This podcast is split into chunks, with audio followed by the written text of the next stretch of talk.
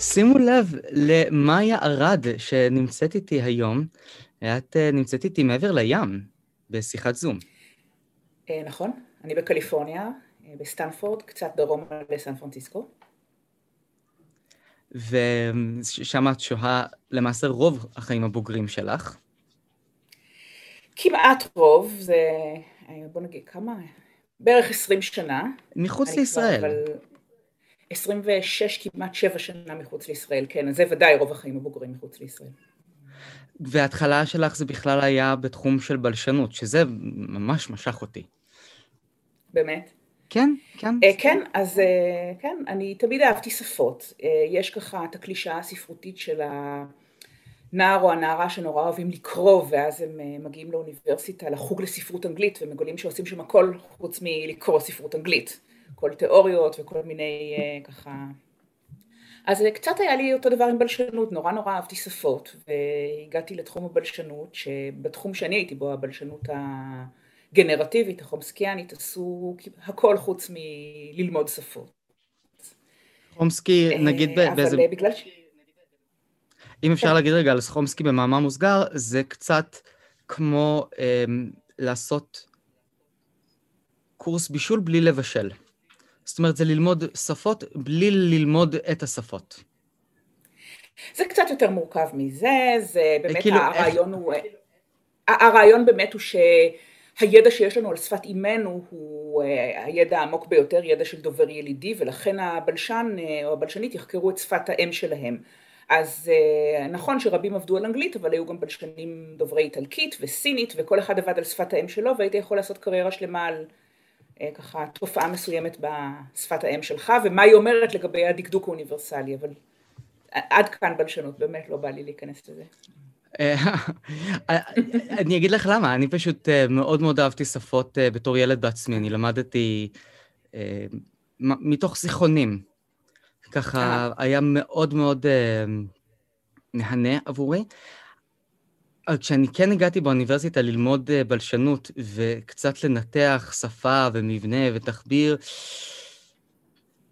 פחות. זה כאילו, זה אפילו לא דיבר mm-hmm. לכישורים שלי, ל, ליכולת שלי לזהות את אותה מילה חוזרת באלבנית ובולגרית. אה. אז אני חושבת שבאמת עלית פה על משהו, גם אני הרגשתי באמת, עכשיו בדיעבד, אז, אז אני פשוט, אתה יודע, עשיתי מאמצים ללמוד, לגמור את התואר, אה, כיוון ש... אני, יש לי ככה יכולת התמדה, אז גם אה, המשכתי לדוקטורט, אה, אבל אה, עכשיו בדיעבד אני יכולה להגיד שכן, לימודי הבלשנות פשוט לא, לא תפסו את הכישורים שלי. אני לא הייתי מוכשרת להם והם לא התאימו לי. ו... אז יש משהו בפער, בפער הזה בין מה שאת ראית לגבי האקדמיה לבין איך שהאקדמיה נמצאת במציאות, ברבים מהרומנים שלך.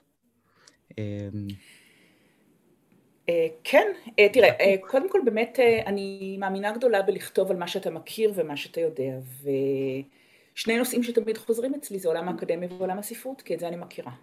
וזה לא רק בגלל שאני עצלנית ולא אוהבת לעשות הרבה תחקיר, אני תמיד, אני עושה תחקיר רק כשאין ברירה.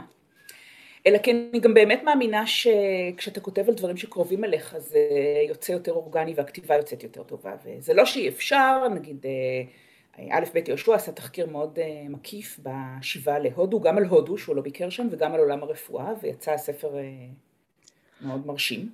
חוץ מאיזשהו עניין. קטן שעד. עכשיו מתווכחים עליו לגבי העברת דם מהאם לבת. נכון. וואו, אתה ממש אה, באמת זוכר הכל, כי הרומן הזה, מתי הוא יצא? כשהיית ילד קטן. בסדר, קראתי אותו מאז. נכון, אבל ויכוחים על הטרנספוזיה, אה. איך הוא קרא לזה, כן, אני זוכרת שאז כל מיני רופאים היו כותבים זה ככה ולא ככה, ו...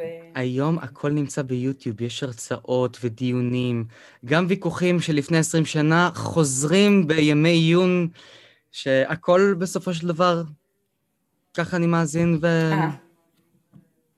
יפה. זה, לי זה מאפשר המון. הטעות שלי הייתה, זה שחשבתי שככה זה גם באקדמיה. מעניין. שמה באקדמיה? שגם באקדמיה זה מעניין, כפי שזה מוצג 아. אה. בסרטונים ובהרצאות ו...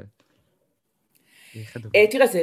אה, אני לא מתחרטת על שום דבר שעשיתי באקדמיה. זה היה מעניין כל עוד זה היה שם, אבל זה, בשבילי זה נגמר, ובאמת אני נשרתי מהמסלול מאוחר יחסית אחרי דוקטורט וארבע שנים של פוסט דוקטורט. וגם אז, אתה יודע, אני הלכתי ל...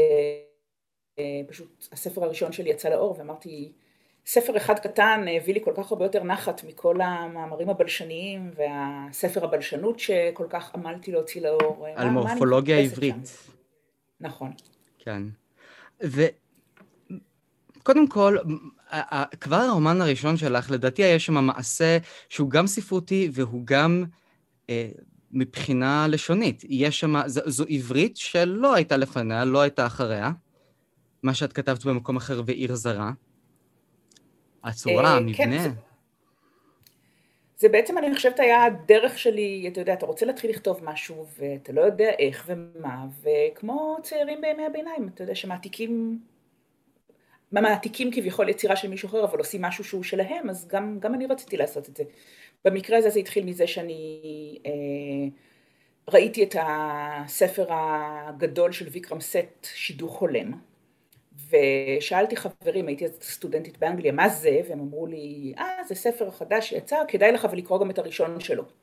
ואז אה, הגעתי לגולדן גייט, שער הזהב, שזה הספר הראשון שלו, והבנתי שמה שהוא עשה זה לקחת את הרומן הרוסי של פושקין ולהעביר אותו לאנגלית, וכל כך אהבתי את הרעיון שאמרתי, מישהו צריך לעשות את זה לעברית.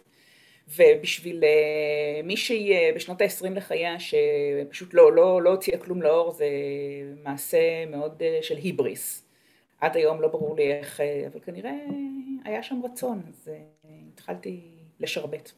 אני אספר לך במאמר מוסגר שיש לי דודה גדולה, דודה ניצה, אהובה, שהיא הייתה מפקחת שנים במשרד החינוך בנושאי לשון, והיא מצאה ברומן שלך מילה שהיא לא הכירה בעברית. יש שם משפט. שהיא? נמלונים טיר לא טיר. אהה. כן? אה, אז זהו, טיר, טיר לא טיר זה א' ב' של תשבצים, אתה יודע? באמת? אני זוכרת את זה מתשב... כן, כן, נמלונים טיר לא טיר, כן. אז אה, טוב, אה, אה, ובכל זאת... לא, כי חשבתי, הייתה, הייתה איזו מילה אחרת שהרבה אנשים התפלאו עליה, לסרהב, במובן של להפציר. אה. אבל חשבתי שאתה מתכוון לזה, אבל דווקא טיר לא טיר, לא, לא המצאתי שום דבר. רגע לפני שנמשיך בפרק, בואו ניתן לכולם לשים לב. דרגו אותי באפליקציות ההסכתים וביישומוני הפודקאסטים. תודה מראש. איפה העברית פוגשת אותך בהמשך הכתיבה שלך? הבלשנות, הניואנסים של השפה. אה, טוב, אתה יודע, בשפה זה כל כול, אה, בכתיבה זה משהו אחר לגמרי מבלשנות, זה באמת... אה, אתה יוצר מין עולם משלך. בלשנות עוסקת נגיד בידע שיש לדוברים של העברית, מה יש לכל אחד מאיתנו בראש, בעצם במשותף. והכתיבה זה להפך, זה באמת לקחת כתיבה וליצור מין עולם משלך, והעברית היא הכלי שלי, עם זה אני עובדת.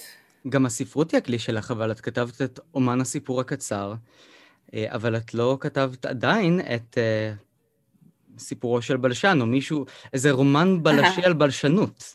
לזה אני ממתין.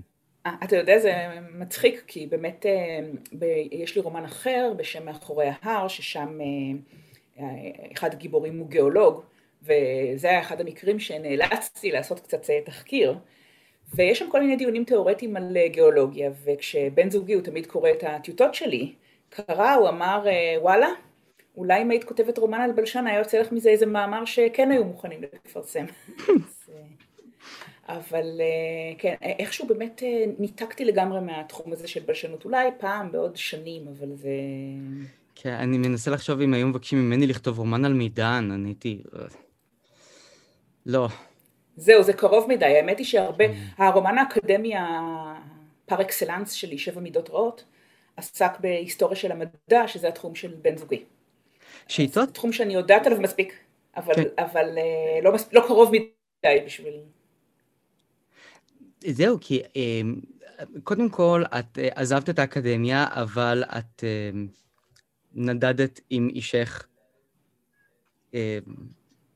בזכות האקדמיה. יתר על כן, נכון. אתם גם כתבתם ביחד אה, ספר בשם מקום הטעם, שלדעתי הוא באמת יוצא דופן מבחינת הגישה שלו. זה קצת הזכיר לי את יהודים במילים של עמוס עוז ופניה זלצברג. אתם שניכם מגיעים משתי דיציפלינות שונות, ואתם באים לדבר על נושא אחד, ואתם יוצרים משהו מופלא ממנו. איך באמת היה תהליך? אז אני אספר לך על זה, אבל באמת, רק אם לחזור שנייה לנושא הקודם, באמת אני חיה עם בן אדם שהוא נושם וחי את האקדמיה, כלומר יושב פה בחדר עכשיו שכולנו בבית בסגר ומכין את השיעורים שלו לסמסטר החורף והרבה מהחברים שלי כן נשארו באקדמיה. ואנחנו חיים בסטנפורד, אנחנו חיים בתוך הקמפוס, אני יוצאת מהבית ואני רואה אוניברסיטה, אז במובן הזה אני אף פעם לא באמת עזבתי. זה מין יחסי אהבה שנאה כאלה של... לגבי מקום הטעם זה באמת, קודם כל אני חייבת לתת פה קרדיט איפה שאפשר, הפרויקט במידה רבה של רביאל הוא יותר התיאורטיקן בינינו, אני יותר סייעתי בדברים, ה, כמו שדיברנו קודם על הזיכרון לפרטים טריוויאליים, אז אני זאת שהביאה את כל הברכות בחרוזים ואת כל המידע, אבל כן רצינו לדבר על התופעה הזאת של כביכול השירה החרוזה נעלמה לגמרי מהמפה ב... והשקולה מהמפה השירית בישראל, אבל היא חיה וקיימת בכל מיני מקומות אחרים, כמו שירי ילדים, כמו ברכות חרוזות, כמו אפילו בתוך הפרוזה לפעמים. ובפזמונאות. נכון. כן. ספר משנת 2008, אני מוחמאת בכלל שהוא עוד עולה בשיחתנו. כי אתם עשיתם שם משהו שאני אמרתי, רגע, אנחנו... איכשהו מהשיתופי פעולה הזוגיים הגדולים שהיו אה, בתרבות הישראלית, אני לא זוכר הרבה שיתופי פעולה כאלו, ששני אנשים מגיעים משני דיציפלינות ועושים משהו חדש, או שזה משהו שאני שמתי לב אליו. מאי, על השאלה הבאה שאני אה, הכנתי לנו, זה משהו שאת אולי קצת מפספסת אותו, שאת נמצאת אי שם בארצות הברית, זה עניין הזהות שקיים בישראל, והעניין אה, של ייצוג, והרבה פעמים כשיש אה, עניין של ייצוג מזרחים בספרות וכדומה, אז מתייחסים לזה בעין מאוד ביקורתית ובודקים כל פרט. מצד שני, לכולם עבר מתחת לרדאר, שבמובן מסוים את קצת אה, לקחת את הדמות של הקלפטה האשכנזייה, ואת הוצאת ממנה את המירה שלה. אמ, איך את... בוא תסביר לי, אה, אה, בוא תסביר לי, תהיה קצת יותר ספציפי עם הקלפטה האשכנזייה. זאת אומרת, אם אני לוקח את הדמויות שלך, הן דמויות שהן לא לייקבול מצד אחד, אבל מצד שני הן לא הג'וקר שאני רוצה לקעקע את השם שלה לאור שלי. אמ, הן מושכות מאוד, הן תופסות את אה, תשומת הלב, יש שם איזשהו... נפש שלמה שרוצים להיכנס ולחדור פנימה, אבל בסופו של דבר, אם אני לוקח את מיטב הגיבורות שלך, הן אשכנזיות הם, פלוס מינוס מבוגרות, אה, לא מאוד מאושרות מהחיים, ואני אומר, אם זה היה כל סוג של מיעוט אחר, אם את היית שייכת לכל סוג של מיעוט, היו מנעצים אותך ומקלסים אותך, אבל באופן הלא תשבצי של אה, לקלס. טוב, באמת פתחת פה נושא אדיר, וכאילו אה, יש לי, אתה יודע, אנחנו יכולים להתייחס להמון המון דברים פה, בוא נתחיל עם באמת עם הייצוג, אה, אני פעם אחת שמתי לב שמישהו כתב שכל הגיבורים שלי אשכנזים, ואני מודה שאני לא חשבתי על זה.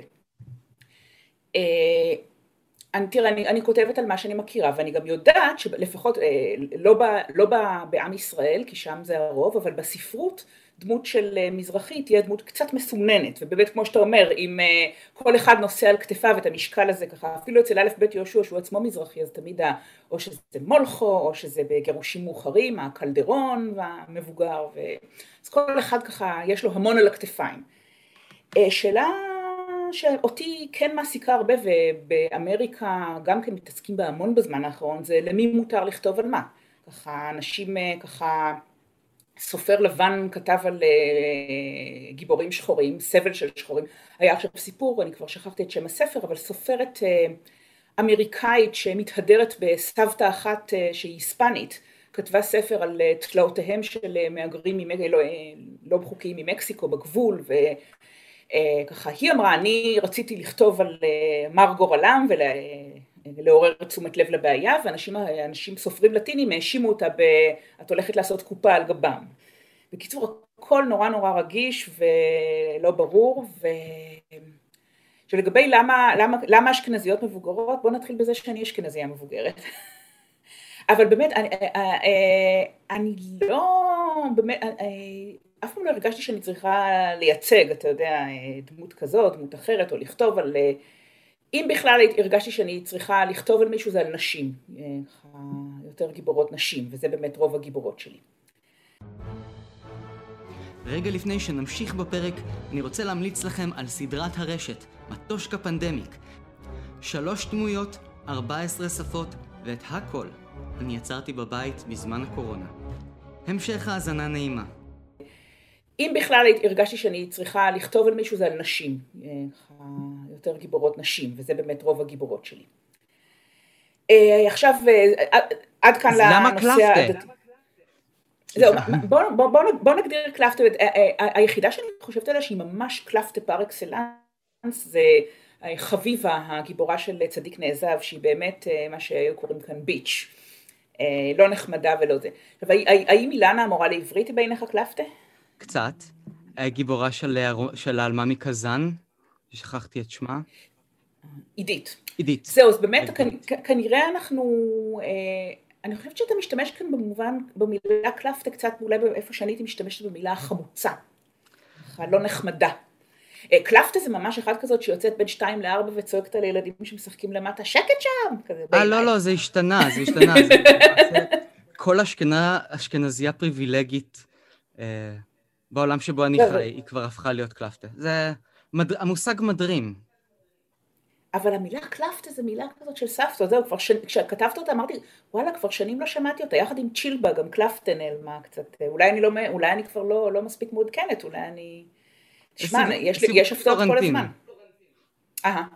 טוב, אתה רואה, אתה אמרת שאתה יכול למצוא כל מיני דברים באינטרנט, למרות שדברים שהיו ממזמן, אז גם אני מרגישה שאני יכולה איכשהו לשמור על קשר עם השפה אחרי 24 שנים בלי, לא, שלא בישראל דרך האינטרנט, אבל מפתיעים אותי כל הזמן, למשל אה, לפני שנה בדיוק הייתי בערב קריאה בתל אביב ודיברתי על השם הזה של המורה לעברית שקראתי לה אילנה כי אין אף אישה מתחת לגיל 55 שקוראים לה אילנה ואז איזה אישה בקהל הפתיע אותי ואמרה שבגן של הבת שלה התחילו עכשיו לקרוא לילדות אילנה, זה באמת המם אותי לגמרי.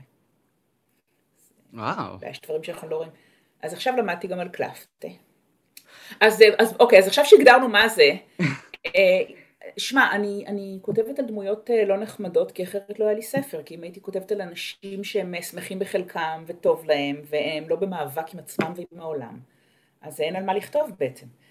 בייחוד על עידית ככה, הרבה, הרבה קוראים אמרו שהיא פשוט בלתי נסבלת, וזה נכון, היא, היא מפונקת, היא מרגישה כל הזמן שמגיע לה משהו, שהחיים חייבים לה, שמגיע לה גבר כערכה, נכון? ו, וזה באמת מאוד מעצבן, כאילו... אה, אבל במובן הזה, הדרך שהיא עושה וההשלמה שלה עם הנסיבות ועם החיים ו...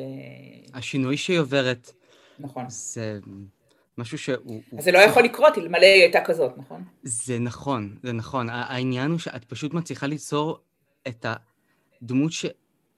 אי אפשר לחבב אותה מצד אחד, אבל מצד שני, אני רק רוצה לבוא, כאילו, היא מסקרנת אותי. אז אם, אם, אם, אם, זה המצב אז אני מאוד שמחה, כי מבחינתי אני לא, לא צריכה שיאהבו את הדמויות שלי, זה לא הרומן הרומנטי וזה לא...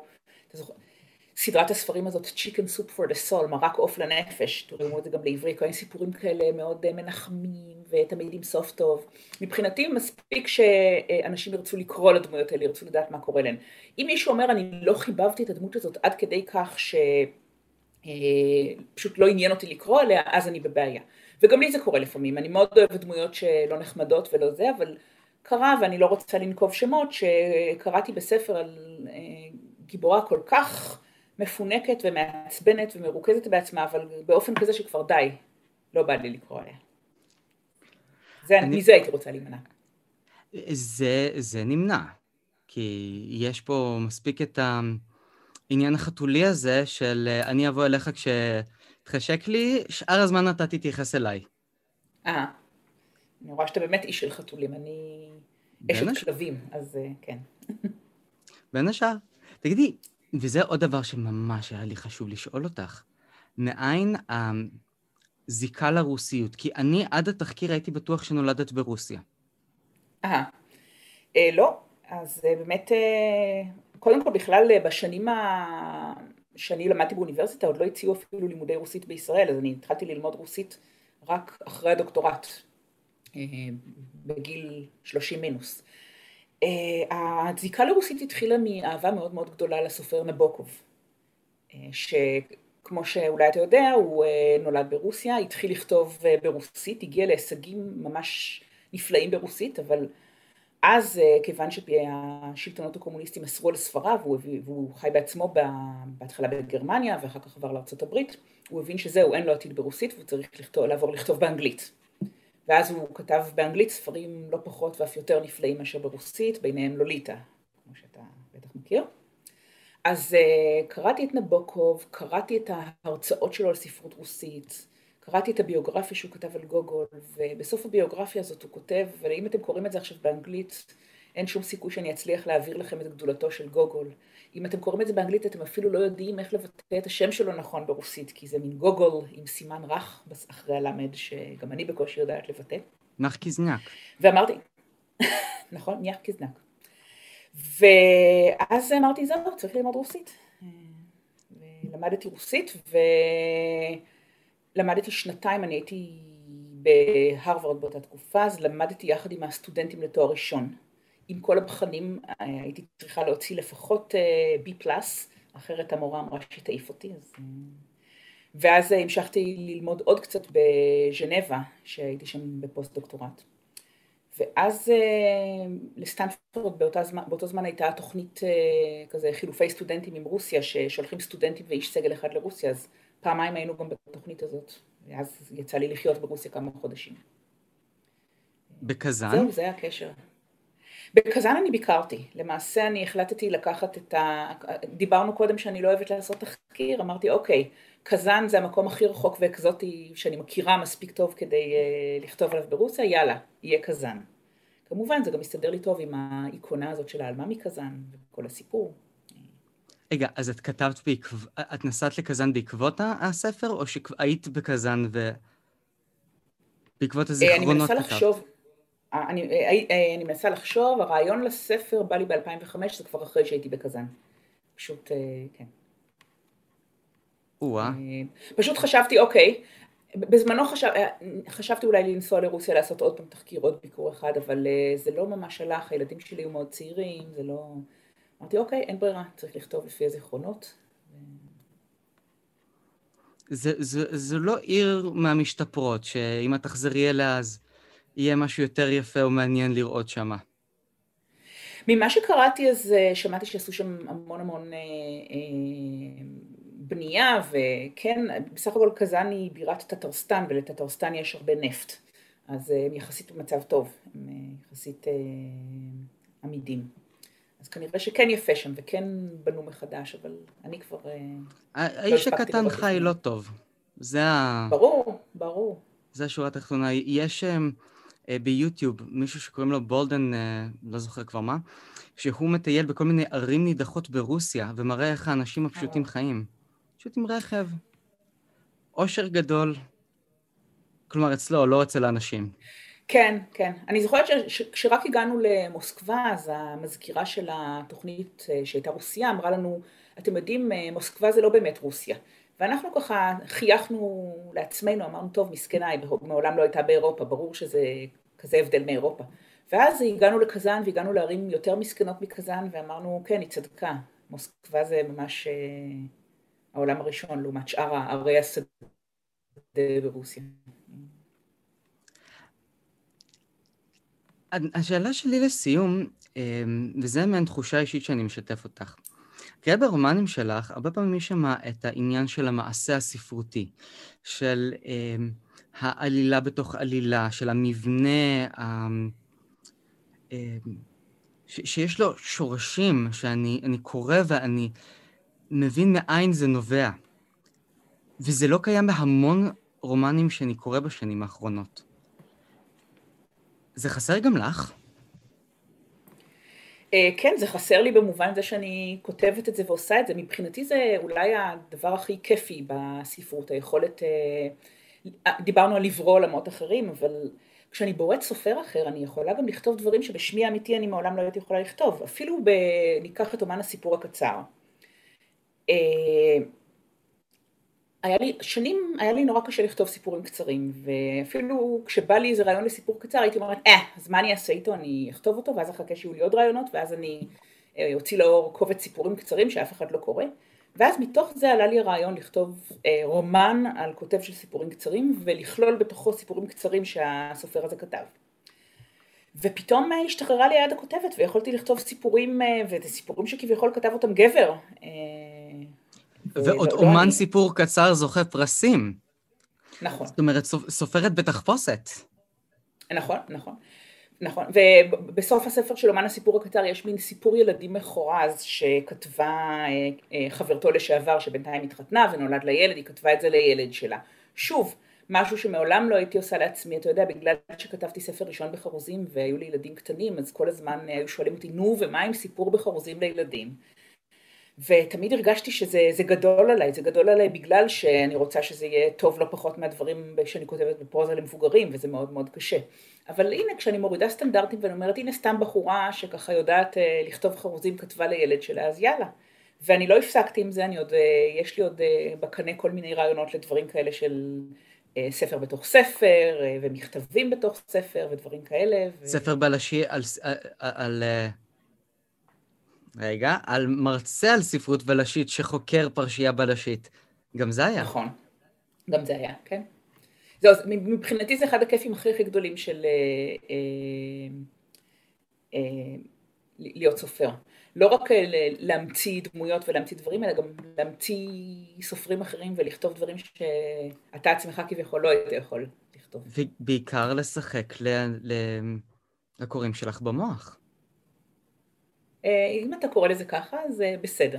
אבל כן, גם העניין הזה של הצורה, אתה יודע, אני, אה, בסופו של דבר, בן אדם לוקח ליד חתיכת אה, ערימת נייר וקורא ספר. אנחנו צריכים איכשהו להתייחס לצורה הזאת, לדבר הזה של מה שאתה קורא זה ספר, מה שאתה קורא זה fiction, בדיון, מה המעמד האונתולוגי של זה, אלוהים זה, האם אלה...